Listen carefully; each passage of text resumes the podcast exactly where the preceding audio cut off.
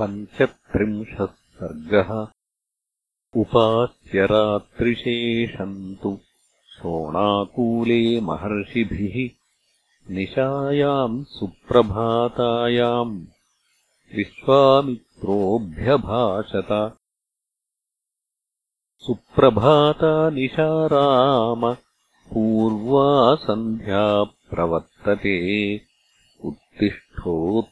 उत्तिष्ठोत्तिष्ठभद्रन्ते गमनायाभिरोचय। तच्छ्रुत्वा वचनम् तस्य कृत्वा पौर्वाह्निकीम् क्रियाम् गमनम् रोचयामास वाक्यन्तेदमुवाचः।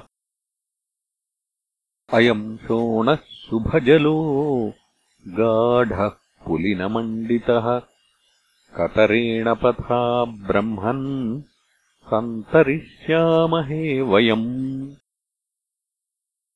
एवमुक्तस्तु रामेण विश्वामित्रोऽब्रवीदिदम् एष पन्था मयोद्दिष्टो येन यान्ति महर्षयः। एवमुक्ताश्च ऋषयो विश्वामित्रेण धीमता पश्यन्तस्ते प्रयाता वै वनानि विविधानि च। ते गत्वा दूरमध्वानम् गतेऽर्धदिवसे तदा जाह्नवीम् सरिताम् श्रेष्ठाम् ददृशुर्मुनिसेविताम्। तान् दृष्ट्वा पुण्यसलिलाम् हंससारससेविताम्। बभूवुर्मुदिताः सर्वे मुनयः सह राघवाः। तस्यास्तीरे ततश्चक्रुः त आवासपरिग्रहम्। ततः स्नात्वा यथा न्यायम् सन्तर्प्य पितृदेवताः हुत्वा चैवाग्निहोत्राणि प्राह्य चामृतवद्धविः विविसुर्जाह्नवीतीरे शुचौ मुदितमानसाः। विश्वामित्रम् महात्मानम् परिवार्यसमन्ततः अथ तत्र तदा रामो विश्वामित्रमथाब्रवीत् भगवन् श्रोतुमिच्छामि गङ्गाम् त्रिपथगाम् नदीम् त्रैलोक्यम् कथमाक्रम्य गता नदनदीपतिम् चोदितो रामवाक्येन विश्वामित्रो महामुनिः वृद्धिम् जन्म च गङ्गाया वक्तुमेवोपचक्रमे शैलेन्द्रो हिमवान् नाम धातूनामाकरो महान्। तस्य कन्याद्वयम् राम रूपेणाप्रतिमम् भुवि। या मेरुदुहिता राम तयोर्माता सुमध्यमा मेना मनोरमा देवी पत्नी हिमवतः प्रिया।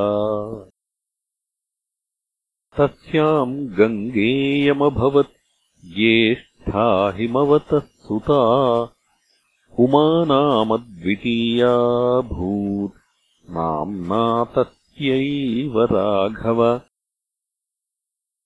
अथ ज्येष्ठाम् सुराः सर्वे देवतार्थचिकीर्षया शैलेन्द्रम् वरयामासुः गङ्गाम् त्रिपथगाम् नदीम् ददौ धर्मेण हिमवान् तनयाम् लोकपावनीम् स्वच्छन्दपथगाम् गङ्गाम् त्रैलोक्यहितकाम्यया प्रतिगृह्य ततो देवाः त्रिलोकहितकारिणः। गङ्गामादायते गच्छन् कृतार्थेनान्तरात्मना। या चान्या शैलदुहिता कन्यासीद्रघुनन्दन उग्रम् सा व्रतमास्थाय तपःसेपेतपोधना उग्रेण तपसा युक्ताम् ददौ शैलवरः रुद्रायाप्रतिरूपाय उमाम् लोकनमस्कृताम्। एते ते शैलराजस्य सुते लोकनमस्कृते गङ्गा च सरिताम् श्रेष्ठा उमादेवी च राघव। एतत्ते सर्वमाख्यातम्। यथा त्रिपथगा नदी खङ्गता प्रथमम् तात गतिम् गतिमताम् वर। सैषासुरनदी रम्या शैलेन्द्रस्य सुता तदा सुरलोकम् समारूढा विपापा जलवाहिनी इत्यार्षे श्रीमद् रामायणे वाल्मीकीये आदिकाव्ये बालकाण्डे पञ्चत्रिंशः सर्गः